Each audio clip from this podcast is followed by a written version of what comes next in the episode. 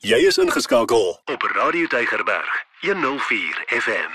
Baie welkom by ons getuienisprogram Draaipunt. En dankie dat jy so getrou inskakel op 'n Vrydag aand 9uur, maar onthou daar's ook 'n herhaling op 'n Sondagmiddag 06:30. As jy 'n getuienis het om met ons te deel, moenie vergeet nie, stuur my 'n SMS na 32716 dit kos R1 of 'n WhatsApp 0844 104104 en dan skakel ek vir jou en ons deel ook jou verhaal met ons luisteraars. Nou ek het vandag telefonies in die ateljee by my vir Joart van Heerden. Hy is waarskynlik Suid-Afrika se vinnigste maraton langafstand veldloopatleet. En dit is so lekker vir my om met jou te gesels Joart. Baie welkom. Hallo Lorraine, baie baie dankie vir die voorreg om ook op die program te wees. Ek sien uit om lekker saam te gesels. Nou ek wil daarom net eers gou-gou hier by die begin begin. Ek weet in Engels praat ons van 'n trail runner en in Afrikaans is die Afrikaanse veldloop atleet, maar presies wat is 'n trail runner? Urain, dis 'n goeie vraag. Ehm um, die veldloop atleet, ek het al die gesprek met baie vriende gehad en met ander joernaliste en ons het al hierdie vorentoe en agtertoe geredeneer oor wat is die regte term vir ons sport. In Engels noem hulle dit trail running en ek dink dit is al amper aanvaarbaar geraak in die volksmond. Ons praat nou maar van trail running amper as Afrikaanse woord. So dan hardloop is die normale aanvaarbare term vir vir wat ons doen in Afrikaans, maar ek ek dink die term is so 'n bietjie lomp. Ek sou amper hmm. sê nader aan wat ons doen is is berghardloop. Dan so min of meer gaan soek ons wandelroetes, staproetes, byvoorbeeld die otterstaproete sal ons gaan hardloop. Ons sal die Walvisroete daar naby Bredasdorp gaan hardloop. So ons hardloop maar al hierdie staproetes en van die roetes is maar langs die kus langs soos die Otterwandelroete en ander roetes is reg oor die berge. Ons het al byvoorbeeld wedlope in Jonkershoek gedoen buite Stellenbosch wat oor die bergpieke mm. gaan. So ek dink berghardloop is amper 'n meer aanvaarbare of korrekte term wat die wat die sport wat ons beoefen bietjie beter beskryf. Nou jou hart, ek weet nie of mense weet jy's eintlik nog 'n jong man, maar jy het al groot hoogtes bereik. Vertel ons 'n bietjie van die hoogtepunte van jou loopbaan. Ja, ek dink ek is in 'n baie bevoordeelde posisie om al heelwat nasionaal binne Suid-Afrika en ook internasionaal deel te neem. So dink ek terug aan dit was 2015 toe ek toe ek die eerste keer die Suid-Afrikaanse span gemaak het en ek die voorreg gehad het om die eerste keer in die Switserse Alpe te gaan hardloop by Zermatt, een van die pragtige dorpies daar onder die bekende Matterhorn berg, nou die Matterhorn berg is die bekende berg wat jy altyd op die Toblerone sjokolade Ja.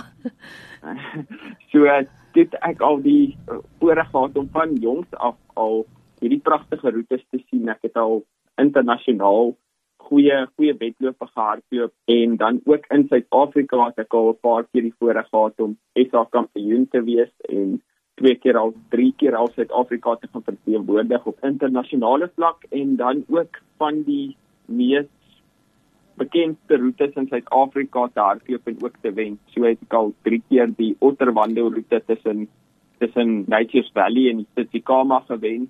Dan het ek ook al twee keer die roete gewen, die Walvisroete daar naby Bredasdorp wat pragtige roetes is en dan hou ek ook verskeie rekords reg oor die land op verskillende bergreekse op wat hulle in Engels noem 'n fastest known time waar jy teen die klok eintlik maar alleen gaan hardloop en kyk jy daar's 'n spesifieke roete wat hulle op Strava sit of op jou GPS oorlosie sit en jy kan die vinnigste tyd daar gaan opstel. So het ek al die vinnigste tyd op Mafari wat die hoogste piek in Suid-Afrika is daar in die Drakensberge opgestel So ek het al baie baie bevoorreg om al hierdie pragtige plekke te sien en die Here se skepping ook so te beleef en om so ook te kan ervaar op hierdie plekke van uh, ook in sy skepping.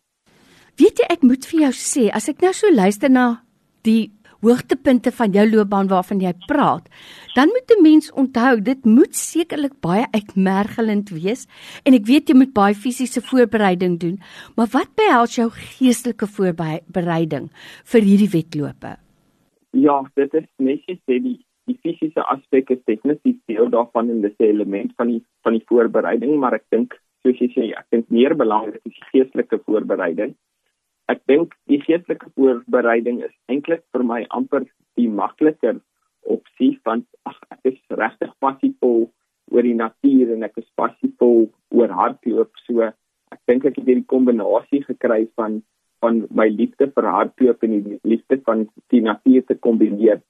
En dan weet ons ook een van my gunsteling psalms is Psalm 19 vers 2 die hemel vertel van die eer van God en die uitspanse verkondig die werke van sy hande nou dit dit gee vir my al klaar soveel motivering om aan te gaan en in deur te druk wanneer dinge swaar raak in wedlope.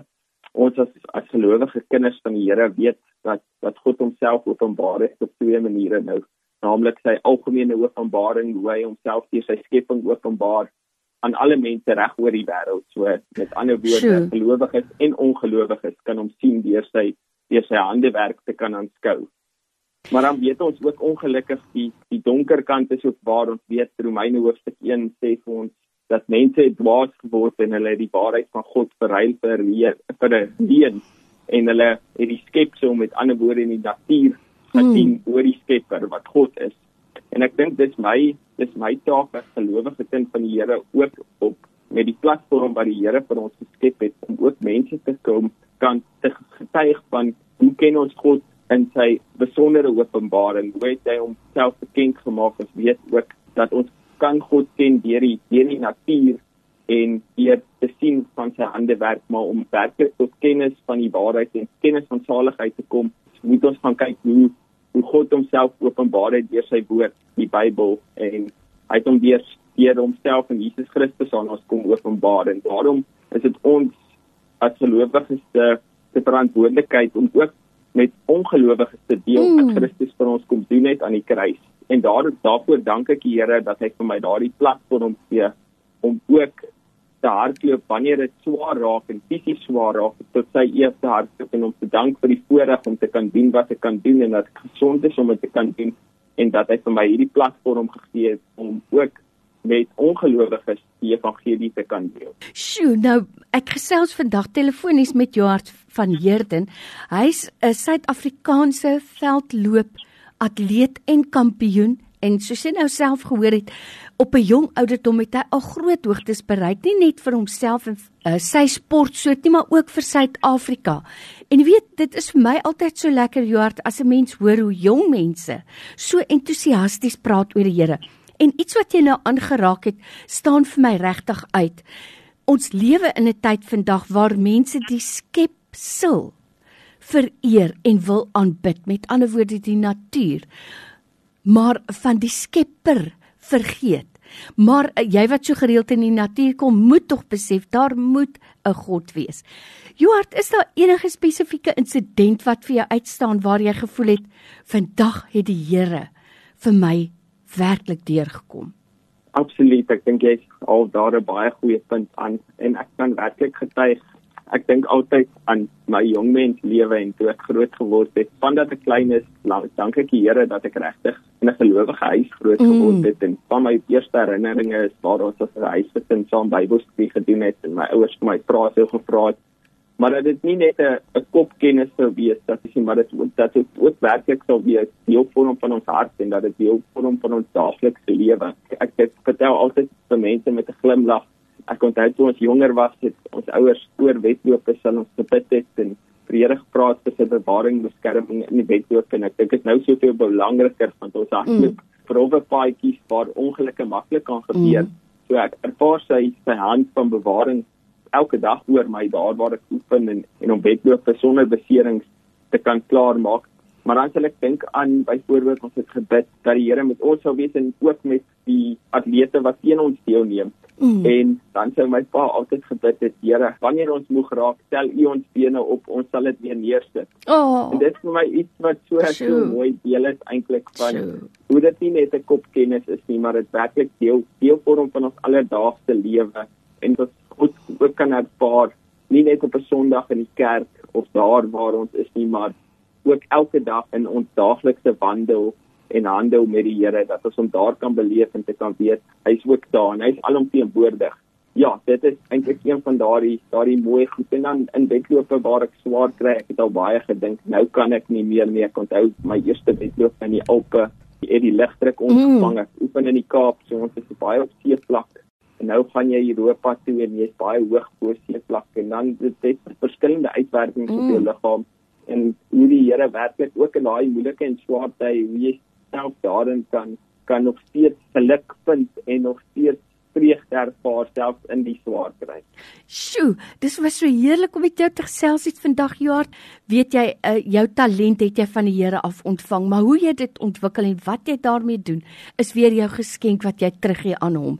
Ek wil net vir jou sê baie dankie. Jy is vir my soos 'n helder vlam in 'n donker wêreld en veral omdat jy jonk is en entoesiasties is oor sport baie dankie vir jou getuienis vandag. Mag die Here jou seën en werklik waar op jou weg behoed en bewaar en ons hou jou dop.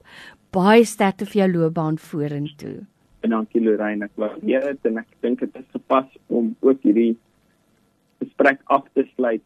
Ek het reeds genoem dat ehm um, Psalm 19 my gunsteling Psalm is en vir al Psalm 19 vers 15 sê dan so laat die woorde Here van my mond en die oordeenking van my hart wel behaaglik wees voor die oh. aangesig o Here my rots en my verlosser dankie vir die vir die voorreg om saam te kon gesels en my getuienis te kon deel Lorraine Sjoe, op 'n mooi noot kon ek nie afsluit nie. Vir jou tyd vandag, ons waardeer jou. Dankie. Baie dankie Lorraine, mooi dag. Elke dag jou nommer 1 keuse. Radio Deugerberg 104 FM.